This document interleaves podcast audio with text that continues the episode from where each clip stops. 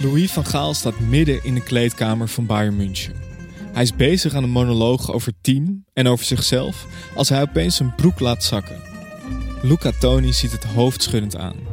De Italiaanse spits en Van Gaal zijn als water en vuur. Hij zou zijn trainer later in een interview gek noemen. Van Gaal vertelt dat hij elke speler zomaar op de bank durft te zetten, omdat hij ballen heeft. En dat allemaal met zijn broek op enkelhoogte.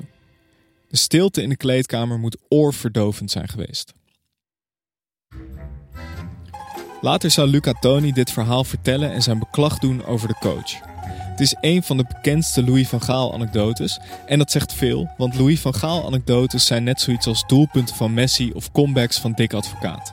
Zekerheden in het leven waar je altijd op terug kan vallen. Voetbal bestaat bij de gratie van rivaliteit. In een seizoen heb je altijd een paar hoogtepunten nodig. Wedstrijden die je van tevoren al kan omcirkelen omdat je weet dat ze vuurwerk garanderen.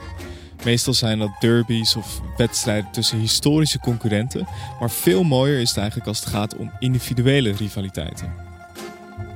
Er zijn rivaliteiten tussen trainers onderling, bijvoorbeeld eh, Louis van Gaal tegenover Johan Cruijff of Louis van Gaal tegenover Ronald Koeman, maar ook van trainers en spelers.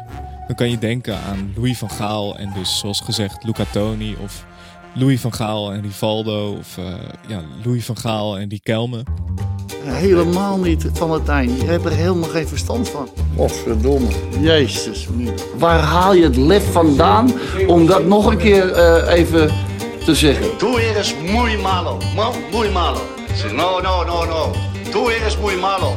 Roto el pacto de vestuario.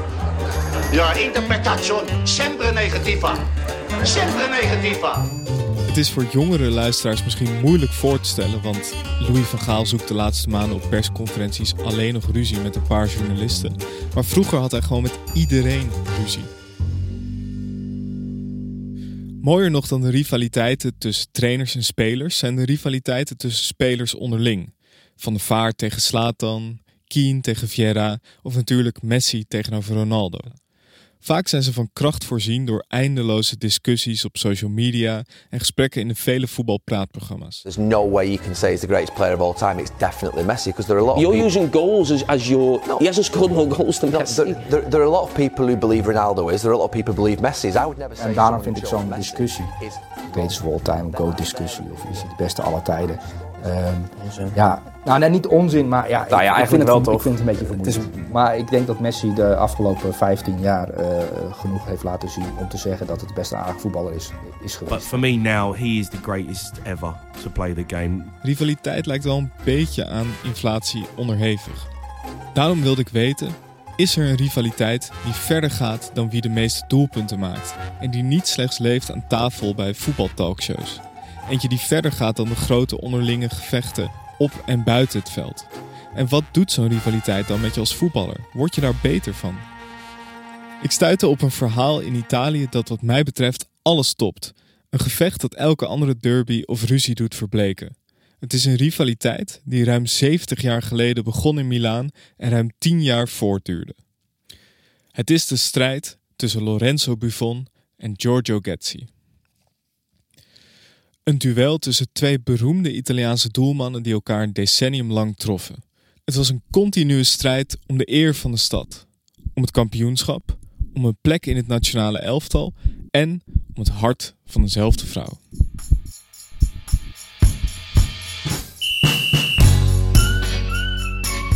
Je luistert naar VV het voetbalverhaal. In deze serie neemt een top 10 van vertellers je mee in de wonderlijke wereld van het voetbal. Die is namelijk groter dan de eindeloze stroom aan roddels, relletjes en primeurs. In deze aflevering neemt Michel Doneman je mee naar het Milaan van de jaren 50 en 60.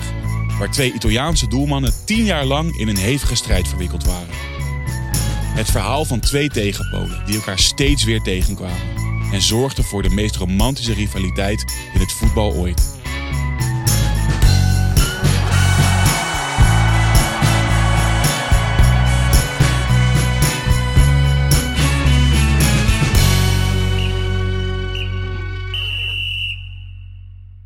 Dit verhaal speelt zich af halverwege vorige eeuw.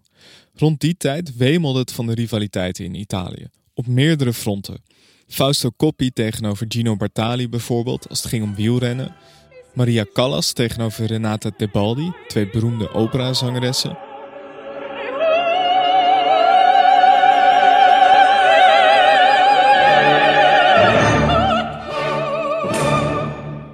Of AC Milan aan de ene kant en Internationale aan de andere kant. En dus Lorenzo Buffon en Giorgio Getzi tegenover elkaar. Altijd recht tegenover elkaar, aan welke kant ze ook stonden. Als je in die tijd aan een Italiaan vroeg om te kiezen tussen Coppi of Bartali of tussen Callas of Tebaldi, wist je meteen een hoop over iemand. Eén idool zegt immers meer dan duizend woorden. En dat is nog steeds zo. Als iemand vertelt dat Messi, Mbappé of Cristiano Ronaldo zijn of haar favoriete speler is, zegt dat veel over iemand. En als je trouwens iemand in je omgeving hebt die heel erg fan is van Cristiano Ronaldo, check dan af en toe even hoe het gaat met diegene deze dagen. Terug naar de keepers. Lorenzo Buffon wordt geboren in 1929, een paar maanden voor Giorgio Getzi. Allebei gaan ze eigenlijk min of meer per toeval in het doel staan. Lorenzo kan fantastisch tekenen en schilderen. En aangezien hij dus goed met zijn handen is, wordt hij door pastoor Don Giovanni gevraagd om in het parochieteam te gaan keepen. Kennelijk was er een vrij krappe keepersmarkt in kerkelijke kringen rond die tijd, maar dat terzijde. Giorgio wordt op zijn beurt keeper omdat zijn moeder niet wil dat hij steeds met van die versleten schoenen thuiskomt. Dus moet hij in het doel gaan staan. Even tussendoor, als je nu denkt, uh, die Buffon, ken ik die niet ergens van? Dat kan kloppen. Lorenzo Buffon is namelijk de achterneef van de opa van Gianluigi Buffon. De voormalige legendarische doelman van onder meer het Italiaanse elftal, die een paar jaar geleden zijn handschoen aan de wil ging. Lorenzo Buffon begint met keeper bij Porto Gruaro, waar hij in 1949, kort na de Tweede Wereldoorlog, wordt gescout door het grote AC Milan. Een paar maanden later vertrekt hij met een klein koffertje in zijn handen met de trein naar Milaan. Onderweg dagdroomt hij over zijn nieuwe leven. Even tussendoor, eh, ik kom er net achter dat Gianluigi Buffon nog steeds niet gestopt is. Excuses daarvoor. Hij is inmiddels 44 jaar oud en speelt nog steeds bij Parma. Ik had het kunnen weten. Spelers die tot aan een pensioengerechtigde leeftijd doorvoetballen zijn in Italië een onmisbaar onderdeel van de sportcultuur. Goed. Twee jaar nadat Lorenzo naar AC Milan is gekomen, vertrekt ook Giorgio Getzi naar Milaan. Na periodes bij Rimini en Modena wordt hij binnengehaald door Internationale, de grote rivaal van AC Milan. Door de jaren heen heeft zowel Inter als AC Milan wat moeite om betrouwbare keepers te vinden. In 1949 spelen de clubs bijvoorbeeld twee keer de derby. De ene wedstrijd eindigt in 4-4 en de ander in 6-5. Met Giorgio en Lorenzo moet dat probleem nu verholpen zijn. De twee zijn, zo blijkt ook in de jaren daarna, absolute tegenpolen. Lorenzo Buffon krijgt als bijnaam Lorenzo il Magnifico en is betrouwbaar, goed op de lijn en fysiek sterk. Hij is HET gezicht van de wederopstanding van AC Milan. De club was in 1907 voor het laatst kampioen geworden, maar in 1951, met Lorenzo als eerste keeper, worden ze eindelijk weer de nummer 1 in de Serie A. Na meer dan 40 jaar. Enthousiasmo ancora. Lorenzo is elegant, een echte gentleman en vaak geheel in het zwart gekleed. Een soort Frans de Munk, de zwarte panter. Ook staat Lorenzo bekend als een man van de wereld. Iemand die Tolstoy leest en eruit zag alsof hij elk moment kon worden opgeroepen voor een Armani-reclame. Giorgio heeft ook een bijnaam: Kamikaze. Hij is een acrobaat in het doel, wat kleiner dan Lorenzo en neemt veel risico. Zijn bijnaam krijgt hij omdat hij vaak naar voren rent, bijna als een soort vliegende kiep, en zich op de voeten van aanvallers durft te storten. Hij is veel excentrieker dan Lorenzo, temperamentvol ook, en staat erom bekend dat hij soms een paar stapjes naar achteren zet, zodat hij een mooiere zweefduik kan verrichten. Het verschil tussen Lorenzo en Giorgio kan waarschijnlijk het makkelijkst als volgt worden beschreven. Lorenzo is positioneel sterk en maakt zijn shirt niet vies als dat niet hoeft, terwijl zijn concurrent Giorgio ooit met een knipoog heeft gezegd dat hij die pareert zonder te duiken middelmatig is. Ze hebben wel een overeenkomst. Het zijn allebei knappe mannen, populair onder de vrouwelijke bevolking van Italië met hun gitzwarte haar, donkere ogen en charismatische uitstraling. Ze zijn posterboys die met regelmaat op de cover van Italiaanse kranten pronken. En ze maken op prachtige klassieke foto's reclame voor allerlei merken. Lorenzo voor shampoo-merk Alpecin bijvoorbeeld. Giorgio voor verschillende frisdranken.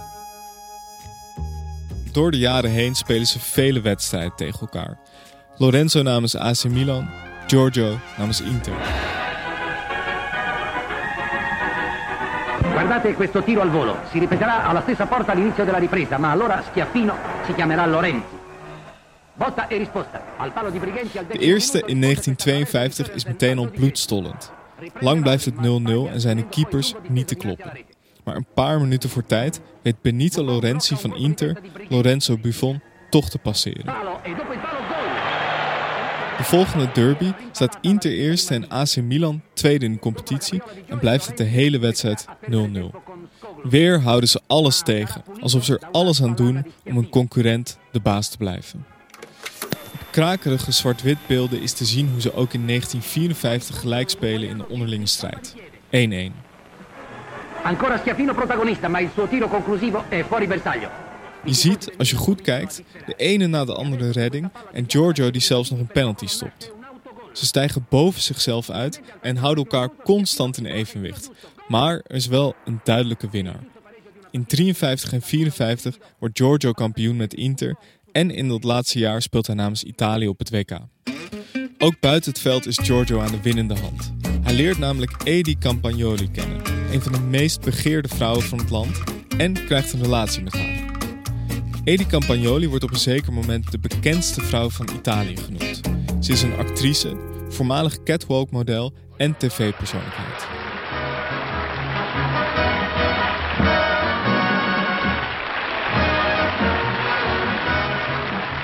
Ze wordt beroemd met een populaire quizshow op televisie, ondanks dat ze daar eigenlijk voornamelijk stil in beeld staat. Andere tijd hoor ik je denken, nou, het was in die tijd ook al best vreemd.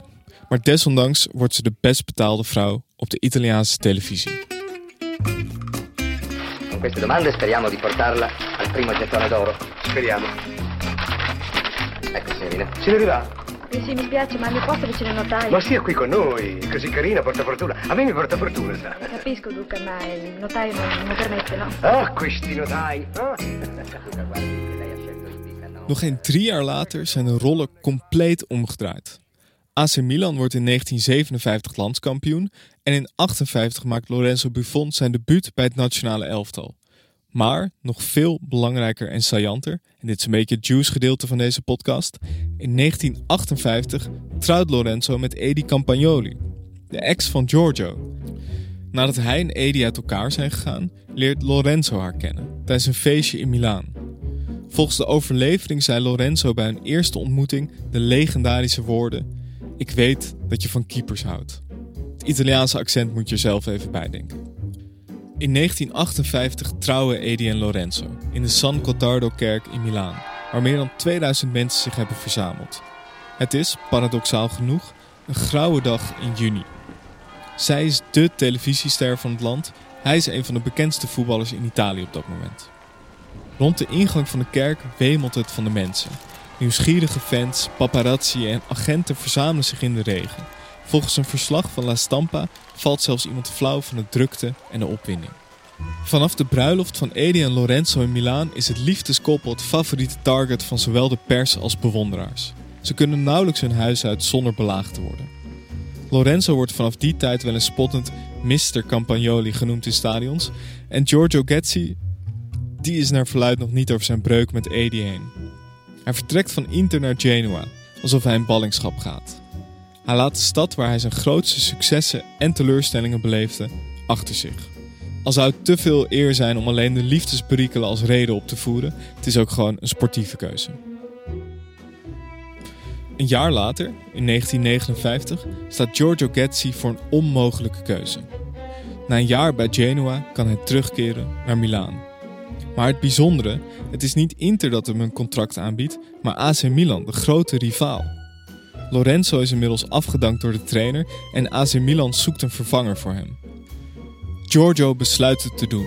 Hij moet wel, als hij wil terugkeren aan de top. Het ondenkbare gebeurt. Giorgio tekent bij AC Milan en zijn debuutwedstrijd is, gelooft of niet, tegen Inter. Voor de wedstrijd blijkt al dat veel fans niet blij zijn met de overstap. Ze noemen hem namelijk een verrader. De derby en de strijd tussen de twee stadsgenoten krijgt daarom een extra lading. Ik zou 10 jaar van mijn leven geven om de beste wedstrijd uit mijn carrière te spelen, zegt Giorgio van tevoren. Het klinkt bijna te mooi om waar te zijn, maar het lukt hem. Het wordt 0-0 en de nieuwe keeper is niet te kloppen bij zijn debuut.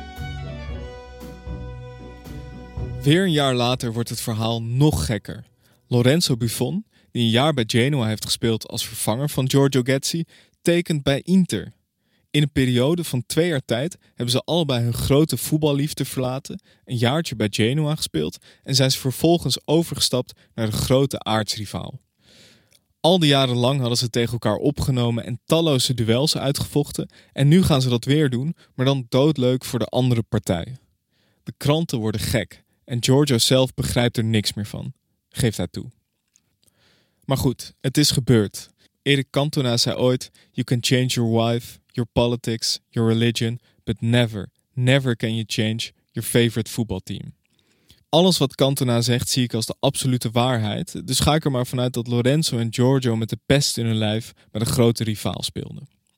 Na een paar seizoenen, één kampioenschap voor beide keepers en een gewonnen Europa Cup voor Giorgio, gaan ze allebei in 1965 met pensioen. In hetzelfde jaar, ja, uiteraard.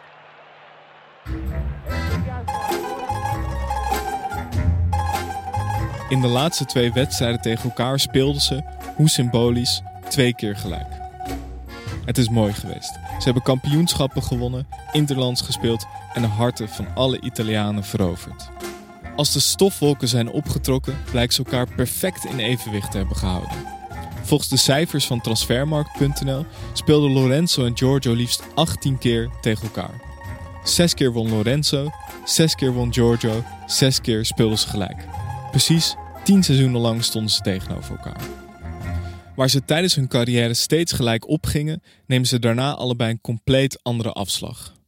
Giorgio keert terug naar Cesenatico, een badplaats in Noordoost-Italië. Tien jaar eerder heeft hij daar al een hotel uit de grond gestampt, genaamd Internationale, als eerbetoon aan zijn favoriete ploeg. In de jaren na zijn terugkeer zorgt hij ervoor dat de complete nationale jetset naar Cesenatico komt. Hij opent een zwemparadijs en een discotheek waar elke beroemde Italiaan gezien wil worden. Eigenlijk creëert hij een soort eigen universumpje, speciaal gemaakt voor de elite van Italië, voor beroemde zangers, komieken en filmsterren.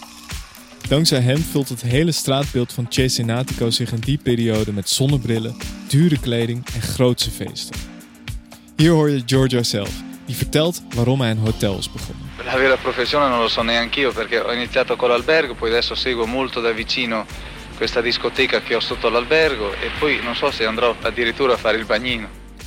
Ook gaat Giorgio de regionale politiek in, net als zijn vader, die een aantal jaar lang de burgemeester van Cesenatico was. Hij voegt zich, net als zijn vader, bij de plaatselijke communistische partij en wordt gemeenteraadslid. Het gaat hem allemaal voor de wind, totdat hij op 60-jarige leeftijd plots getroffen wordt door een hartstilstand. Hij was net daarvoor opa geworden. De droomvlucht van kamikaze wordt bruut gestopt. Lorenzo Buffon scheidt na zijn carrière van Edi Campagnoli, een groot schandaal in het conservatieve Italië. Ze gaan vriendschappelijk uit elkaar en blijven contact houden, maar daar hebben de bloeddorstige paparazzi geen boodschap aan. Om zijn hoofd leeg te maken en te ontsnappen aan de roddelpers vertrekt hij naar Amerika, huurt een auto en maakt een lange roadtrip. New York, Las Vegas, Chicago, LA en meer. Na zijn terugkeer ontmoet hij de vrouw met wie hij later trouwt en wordt hij aangenomen als scout bij AC Milan. Ook gaat hij zich toeleggen op twee hobby's: vissen en schilderen. Schilderen deed hij al tijdens zijn voetbalcarrière, maar pas later blijkt hoe goed hij is. Zijn hele woonkamer hangt vol met schilderijen, van bloemen, landschappen en ander natuurgeweld. Hij heeft zelfs een eigen expositie in het voetbalstadion van Portogruaro. Giorgio Getzi is inmiddels al meer dan 30 jaar dood, maar Lorenzo Buffon leeft nog steeds. Hij is inmiddels 93 jaar oud. De vrouw om wiens hart Lorenzo en Giorgio streden, leeft inmiddels niet meer. Edi Campagnoli, die na haar tv-carrière naam maakte in de modewereld, overleed in 1995 op 60-jarige leeftijd. Nog steeds krijgt Lorenzo regelmatig vragen over de rivaliteit. Hebben ze elkaar gehaat? Konden ze elkaars bloed wel drinken? Wilde Giorgio zijn rivaal Lorenzo niet aanvliegen toen hij er vandoor ging met droomvrouw Edi? Nee, eigenlijk niet.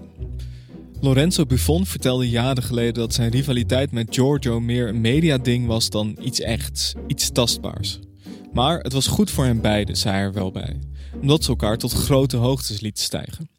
Vergelijk het met de wielrenners Bartali en Coppi. Fausto Coppi was ook een goede vriend van Lorenzo. Ze gingen vaak samen jagen. Lorenzo maakte die vergelijking zelf ook. Ik was Coppi, Getzi was Bartali, zei hij zelf. Allebei goed, maar de een net iets beter. In 2008 werd in Cesenatico een park naar Giorgio Getzi vernoemd. En ook kwam er een boek over zijn leven uit. Aanwezig bij de presentatie en op het podium Gianni Rivera, Cesare Maldini en Lorenzo Buffon. Als eerbetoon aan de ultieme rivaliteit zonder animositeit.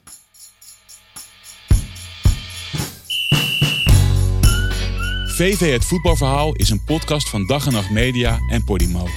Mijn naam is Jan Bavink. Dit verhaal werd geschreven en verteld door Michel Dodeman. Sounddesign en muziek door Bas van Win en Jeroen Jaspers. Volgende week weer een nieuw Waar gebeurt verhaal in je favoriete podcast app.